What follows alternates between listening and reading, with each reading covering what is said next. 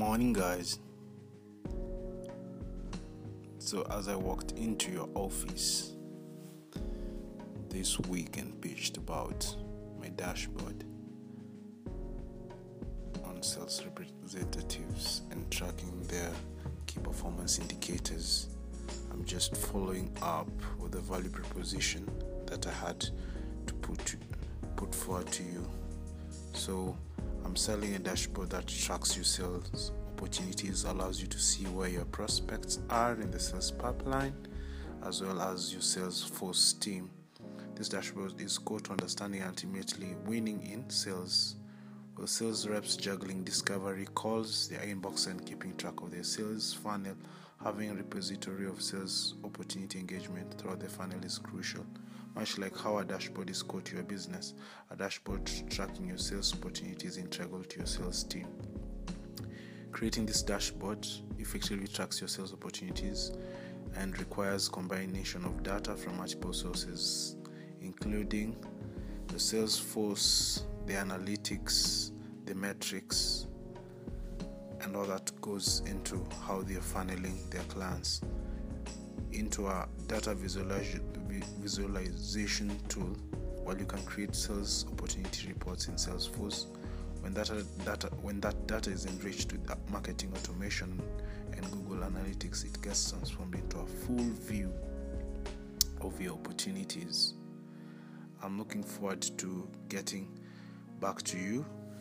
Uh, you getting back to me because there are benefits into this and uh, it increases revenue and sales productivity, enables sales reps to stay focused and organized on their current opportunities. And there's a lot into it whereby there's data about lead generation, outbound activities, emails, meetings, calls, and buyer intent, knowing when a prospect is ready, reading a case study, or reviewing the price page. With all this information at sales representative fingertips, they are more equipped to have fully informed and personalized conversations with prospects, no matter the stage of the opportunity. So it will go without saying that creating a dashboard to track sales opportunity it requires more than a Salesforce or CRM data, but fully understanding prospects in this section will unpack how to create a dashboard to track sales opportunities.